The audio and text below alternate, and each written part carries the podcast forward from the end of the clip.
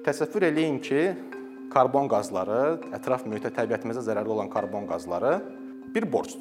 Biz bunu təbiətdən alırıq, bu borcu. Bu borcu ödəmək vacib deyil.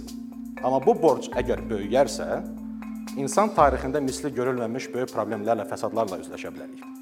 Amma eyni zamanda əgər biz bu borcu azaltmağa çalışsaq, hansını ki eləməliyik? Əgər mübarizə aparırıqsa iqlim dəyişikliyini və bu borcun artmasına şərait yaradan bütün faktorları sıfıra endirsək, onların təsirini sıfıra endirmiş olsaq, biz bu problemi xeyli çözmüş oluruq. Çox böyük bir addım atmış oluruq irəliyə.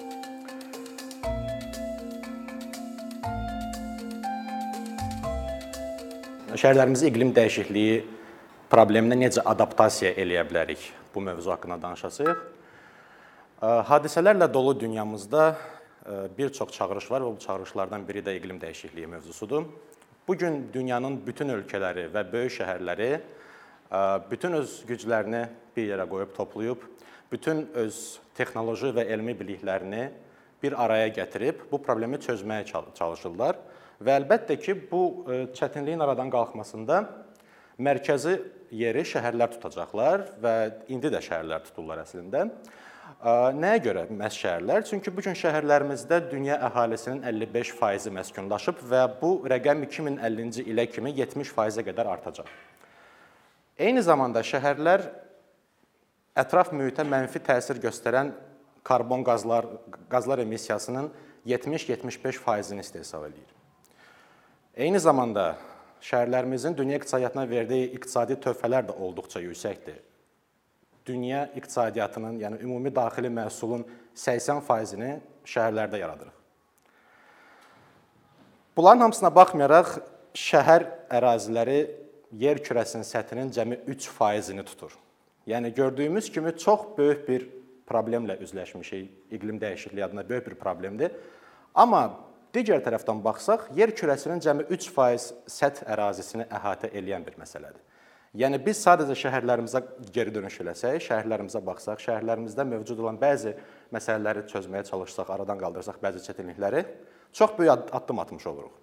Təbii ki, tək şəhərlərlə bitməyəcək, amma bir şəhərli kimi biz heç olmasa yaşadığımız mühit haqqında düşünməliyik. Bir çoxları soruşur ki, iqlim dəyişikliyi necə işləyir? Nəyin nümunəsində göstərə bilərsiniz? Karbon qazları emissiyası nədən yaranır? Çox sadə və bəsit bir nümunə göstərəcəm sizə. Sevdiyiniz bir qida məhsulunu təsəvvür eləyin və o məhsulu siz alıb evə gətirənə kimi o məhsul neçə mərhələlərdən keçir? Hansı mərhələlərdən keçir?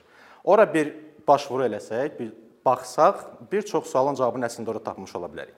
Təsəvvür eləyin, bir qida məhsulunu istehsal eləmək üçün biz əlbəttə ki, su və torpaq resurslarından istifadə edirik. Suyu əkin-biçin ərazilərinə çatdırmaq üçün biz enerjidən istifadə edirik. Bundan əlavə biz yaranmış o xam malı məhsula çevirmək üçün təzədən yenə bir neçə mərhələdən keçirik. Xammalın toplanması, onun emal olunması fabrik şəraitdə bu da elektrik enerji tələb eləyir. Xammalın bir məhsula çevrilməsi, onun qablaşdırılması fabrik şəraitdə bu da əlbəttə ki, elektrik enerji tələb eləyir. Həmin o məhsulun istehsal olunmuş məhsulun əraziyə çatdırılması, ünvana çatdırılması. Burada da biz yenə enerjidən istifadə eləmiş oluruq.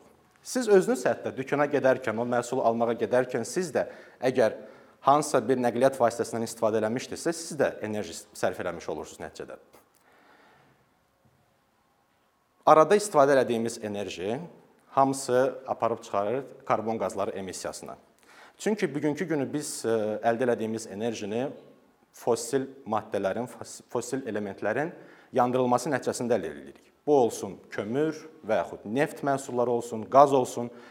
Bunların yandırılması nəticəsində biz elektrik enerji və istilik enerjisi əldə edirik və bu enerjini biz sonra öz ə, e, sənayemizə, öz gündəlik həyatımızda, gündəlik, gündəlik tələblərimizin təmin olunması üçün biz bunları sərf edirik, istifadə edirik. Soruşurlar bəs nə edək? Bəs nə eləmək olar ki, bu çətinlik aradan qalxsın? Əlbəttə ki, çox uzun və çətin bir yoldur, amma bunu yenə çalışacağam bəsit bir nümunə əsasında sizə təqdim edeyim. Təsəvvür eləyin ki, karbon qazları, ətraf mühitə, təbiətimizə zərərli olan karbon qazları bir borcdur. Biz bunu təbiətdən alırıq, bu borcu. Bu borcu ödəmək vacib deyil. Amma bu borc əgər böyüyərsə, insan tarixində misli görülməmiş böyük problemlərlə, fəsadlarla üzləşə bilərik. Amma eyni zamanda əgər biz bu borcu azaltmağa çalışsaq, hansını ki eləməliyik? Əgər mübarizə aparırıqsa iqlim dəyişikliyini və bu borcun artmasına şərait yaradan bütün faktorları sıfıra endirsək, onların təsirini sıfıra endirmiş olsaq, biz bu problemi xeyli çözmüş oluruq. Çox böyük bir addım atmış oluruq irəliyə. Biz əlbəttə ki, bu borc deyərkən biz enerji sərfiyyatımızdan ilk növbədə danışırıq. Enerji sərfiyyatımızı biz yanacaqlardan əldə eləyirik deyə problem səngimək bilmir. Amma biz təbii ki, bunu biz keçid eləsək bərpa olunan enerji mənbələrinə, əgər biz günəş batareyaları olsun, geotermal enerji olsun və yaxud külək enerjisi olsun, biz buna keçid eləmiş olsaq, bir çox təsirlərin qarşısını ala bilirik. Əlbəttə ki, sadəcə biz enerjini limitləməklə, enerji sərfiyyatımızı limitləməklə bu məsələni bitirə bilmərik. Biz təbii ki, öz bəzi vərdişlərimizi dəyişməliyik. Təbii ki, biz əgər iqlim dəyişikliyi ilə mübarizə aparırıqsa, bir çox köhnə vərdişlərimizi tərgib, yeni vərdişləri mənimsəməyə öyrənməliyik. Bu vərdişləri biz daha rahat, daha bizə uyğun, hamımıza uyğun şəraitdə mənimsəməmiz üçün biz gərək daha uyğun bunun üçün şəhərlər tələb eləyək. O şəhərlər ki, bizi sənaye iqtisadiyyatından post-sənaye iqtisadiyyatına keçidimizi təmin eləyəcək. Elə bir sənaye, e, elə bir post-sənaye dövrünə keçmək lazımdır ki, necə ki bütün dünyada olduğu kimi. E, əsas kapital insan, insan beyni, insan faktoru olsun. Eyni zamanda insana qoyulan sərmayə və insan potensialının aşkar edilməsi olsun. Belə bir şəhər mühitinə keçid eləməyimiz üçün iqlim dəyişikliyi ilə mübarizə aparmağımız və o istiqamətdə görəcəyimiz işlər olduqca vacib, böyük bir önəm daşıyır. Gəlin hər biri ilə ayrı-ayrılıqda danışaq. Hər biri haqqında ayrı-ayrılıqda danışaq. Bayaqlarda dediyimiz kimi dayanıqlı enerji mənbələrindən söhbət açmışdıq. Dayanıqlı enerji mənbələri bu gün tanıdıqlarımız əsasən günəş və külək enerjisidir. Hər şey o dərəcədə bəsit deyil əslində. Yəni bu keçid o, o qədər də asan keçid olmayacaq. Çünki biz fosil maddələri yandırmaqla çox ucuz ə, şəkildə biz enerjini əldə edə bilərik. Amma bu olsa günəş panelləri və yaxud ə, külək enerjisi qiymətlər xeyli artır.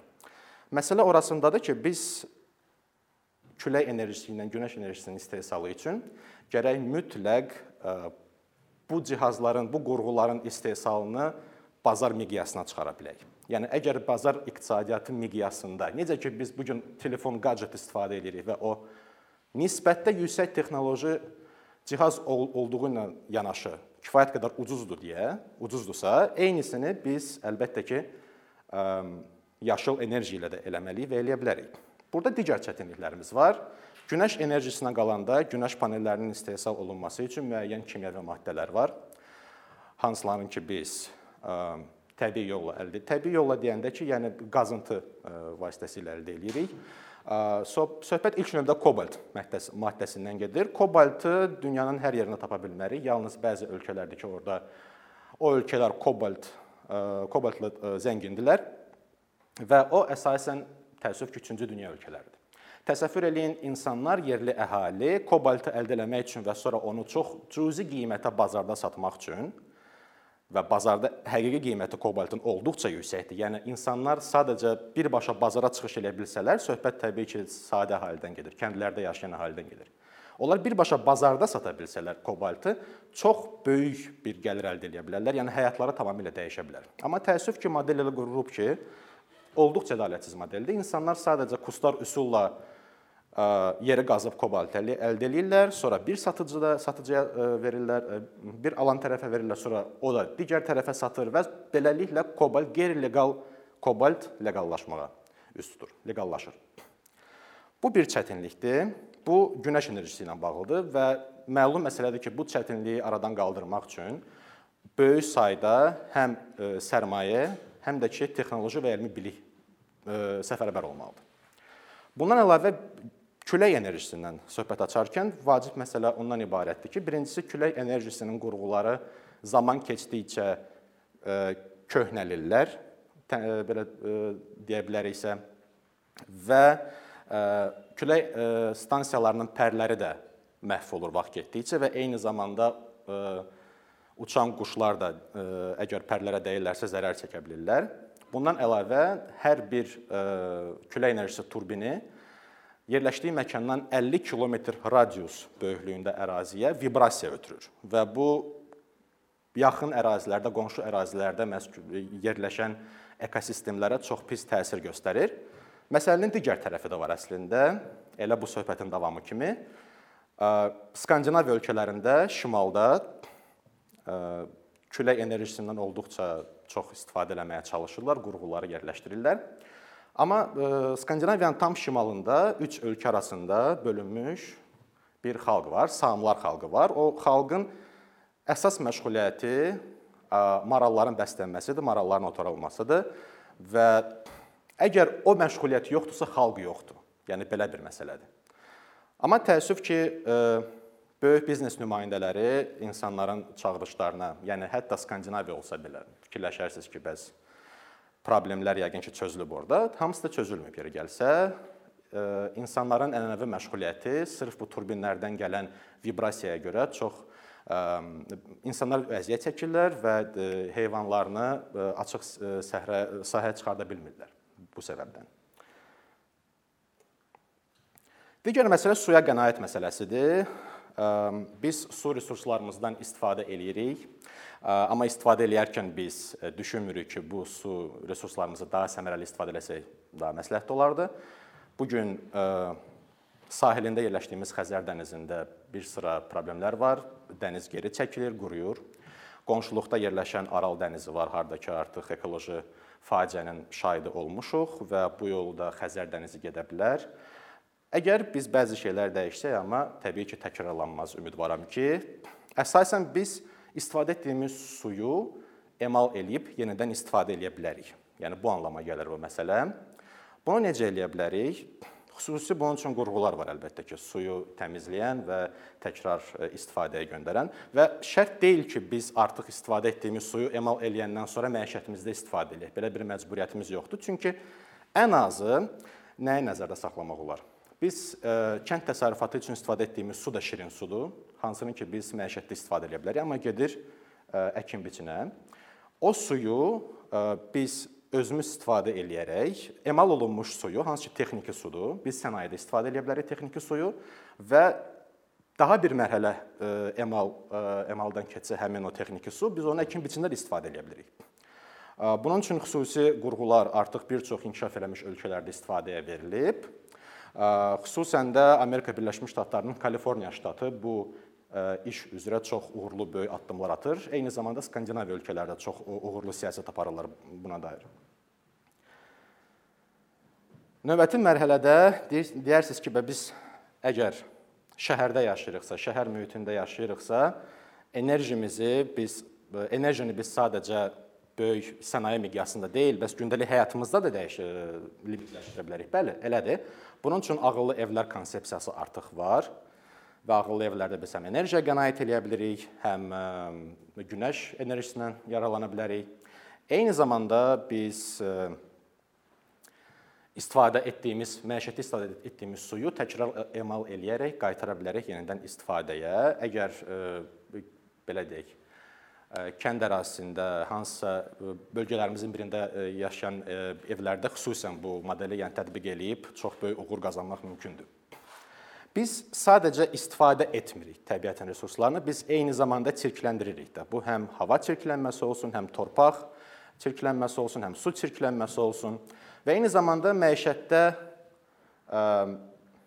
istifadə edəndən sonra atdığımız məişət tullantıları da var. O məişət tullantılarını biz bildiyiniz kimi ə, ya plastik qablar, ya batareyalar olsun, məişətdə istifadə olunan ya istifadə etdiyimiz məhsulların qablaşdırılması olsun, o qablar olsun, biz onların hər birini çeşidləyərək çox böyük uğurlara nail ola bilərik. Necə? Misal üçün Skandinaviya ölkələrində, əsasən ümumiyyətlə dünyada inkişaf eləmiş ölkələrdə məişət tullantılarının çeşidlənməsi körpəlik yaşlarından tədris olunur. uşaq bağçalarında, məktəblərdə insanları, yeni nəsilləri artıq buna alışdırırlar. Məişət tullantılarının emal olunması deyil, daha doğrusu məişət tullantılarının çeşidlənməsi deyildikdə mən gözləmirəm ki, mühazirədən sonra hamı gedib evdəki məişət tullantılarını çeşidləyəcək, amma ən azı 2, 3 və yaxud 4 fraksiya üzrə kağız olsun, plastik qablar olsun, metal əsaslı tullantılar olsun, hansısa sxemlər olsun köhnə qurğulardan. Biz bunları çeşidləyərək müəyyən yerlərə göndərə bilərik emal olunmaq üçün. Təəssüf ki, dünya inkişaf eləmiş ölkələrində belə məişət tullantılarının emal olunması 40%-ə kimi, yəni 40% məişət tullantılar emal olunur.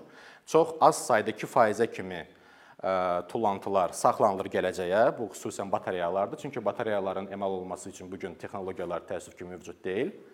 Və məişət tullantılarının çox böyük hissəsi o ölkələrdə belə yandırılır. Deyərsiniz ki, yandırılma nəticəsində yəqin ki, onlar istilik və elektrik enerji əldə edirlər. Bəli, haqlısınız, elədir və əslində bunu eləməklə biz e, fosil yanacaqların e, istifadəsini limitləmiş də oluruq.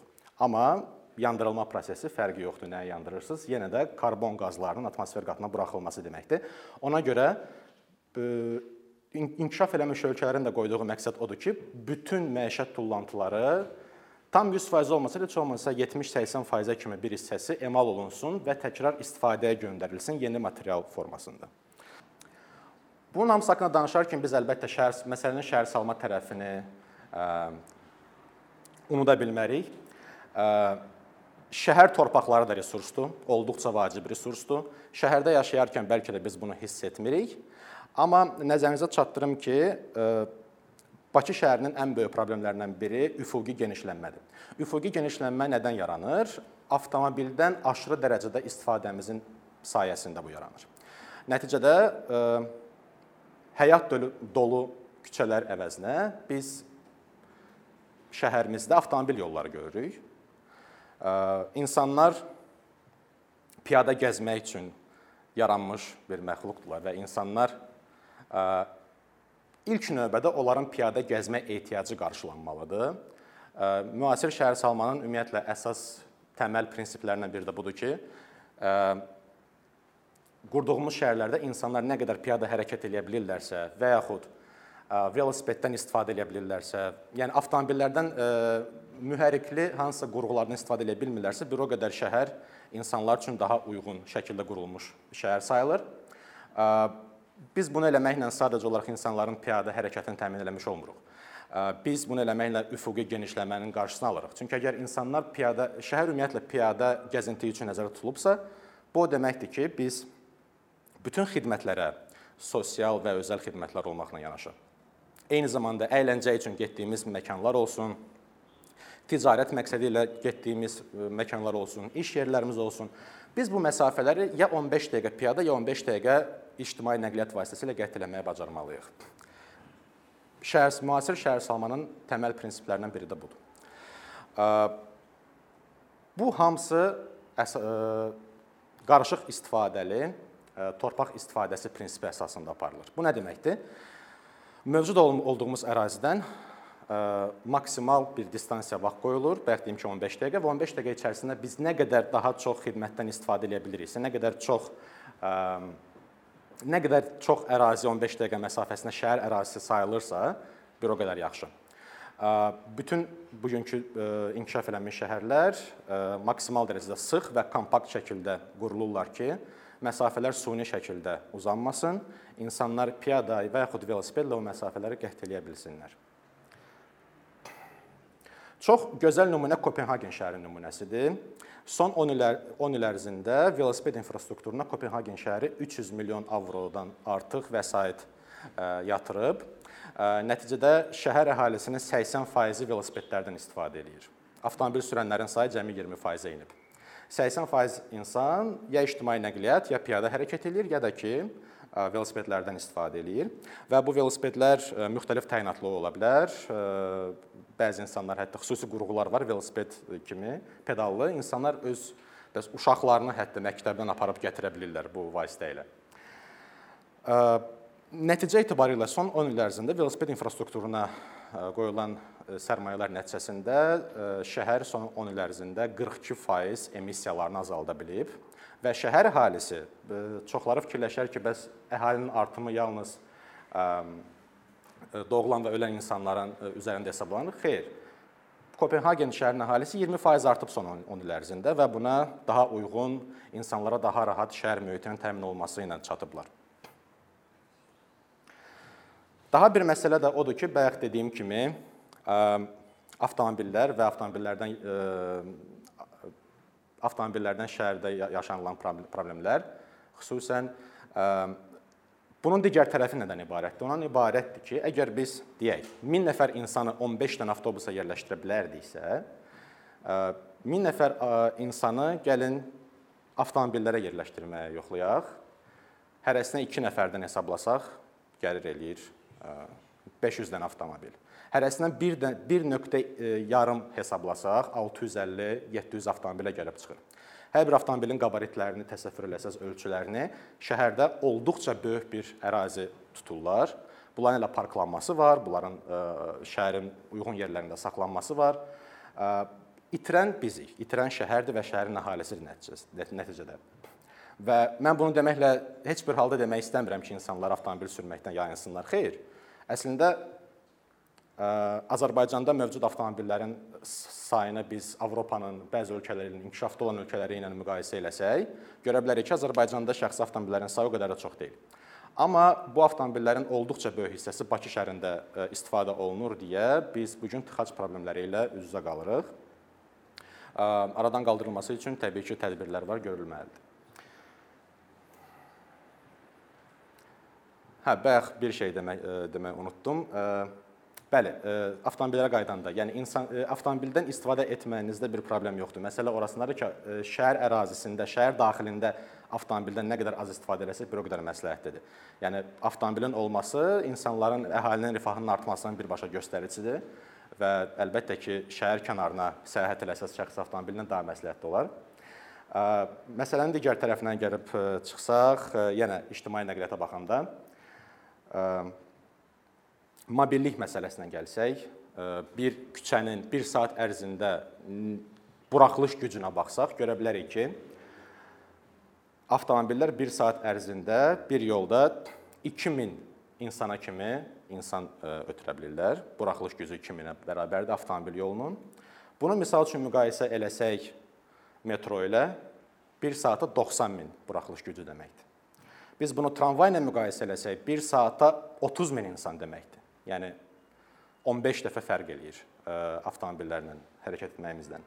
Bunu avtobuslarla müqayisə eləsək, e, avtobuslar 1 saat ərzində 10 min insan ötürə bilirlər eyni yoldan.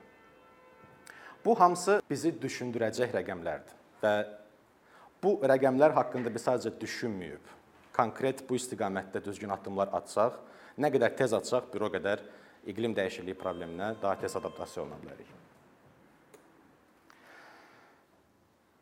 Daha gözəl bir nümunə Barselona şəhərinin nümunəsidir. Barselona şəhəri son islahatlara başlayana qədər şəhərin ərazisində 912 kilometr avtomobil yolları mövcud idi. Çox sıx şəkildə şəhərin demək olar ki, hər bir binasının yanına gedən avtomobil yollardan söhbət gedir. Hazırda şəhərdə çox güclü nəqliyyat islahatları gedir və bütün avtomobil yollarının ümumi uzunluğu 61% qısaldılır və avtomobil yollarının əhatə elədiyi torpaq sahəsi də 45% azaldılır. Təbii ki, biz iqlim dəyişikliyi deyərkən şəhərin temperaturunu unuda bilmərik. Olduqca vacib faktordur və şəhərin temperaturu, şəhərin temperaturunun yüksəkliyi iqlim dəyişikliyinə də birbaşa təsir göstərir. Çünki biz karbon qazlarından danışırıq və karbon qazları istiliyi çox intensiv şəkildə və uzun müddətli öz özlərində saxlayaraq ətraf mühitin temperaturunu artırırlar və sadəcə əgər biz yaşıllaşdırma islahatları aparsaq şəhər ərazisində şəhər şəhərin ümumi temperaturu 20 dərəcəyə kimi düşə bilər. Yəni təsəvvür eləyin ənənəvi ənənəvi maşınlarla dolu bir küçəni, bir avtoparkinqi deyək Və həmin o avtoparkinqi necə təsəvvür edirsiniz? Çox böyük bir yekə asfalt sahəsidir. Tünd rəngdədir deyə çox istilik saxlayır, istiliyi özündə saxlayır və ətraf ərazilərin ə, temperaturunu artırır. Amma orada ağac olsa, ağacın kölgəsi olsa biz tam fərqli bir görünüşün şahidi oluruq. Eynisini biz binalar haqqında deyə bilərik. Bu gün şəhər ərazisində tikilən binalara baxsaq, binalar həm yayda sərin, həm də qışda isti necə ola bilər? Bu sual yaranır və bunun da cavab yolları var. Əlbəttə ki, binaların tikildiyi istiqamət olsun, hansı istiqamətə baxır, hansı materiallardan istifadə olunub bina tikildiyi zaman.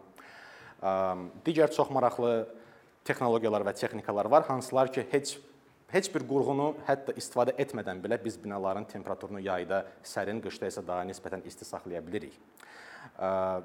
Bundan əlavə yaşadığımız binaların damları var və biz yaşadığımız evlərin damlarına çox belə etinasız yanaşırıq açığı desəm, amma onları da yaşıllaşdıra bilərik.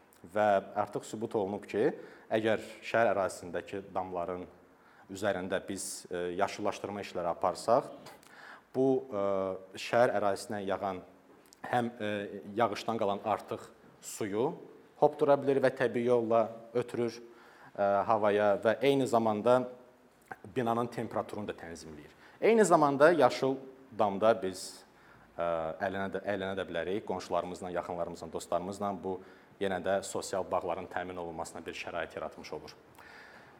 Bir məsələ də var, sonuncu məsələdir. Bəs şəhərdəki su ilə biz nə edə bilərik? yağıntılar yağdı, su çoxdur, amma görürük ki, su qalxır və çox böyük problemlər yaşayırıq. Eyni zamanda şəhər infrastrukturu da bundan zərər çəkir. Bunun da bir cavabı var.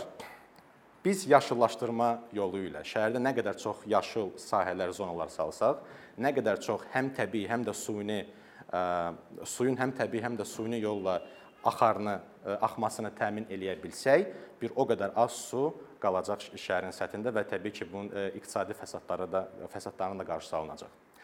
Diqqətiniz üçün çox sağ olun.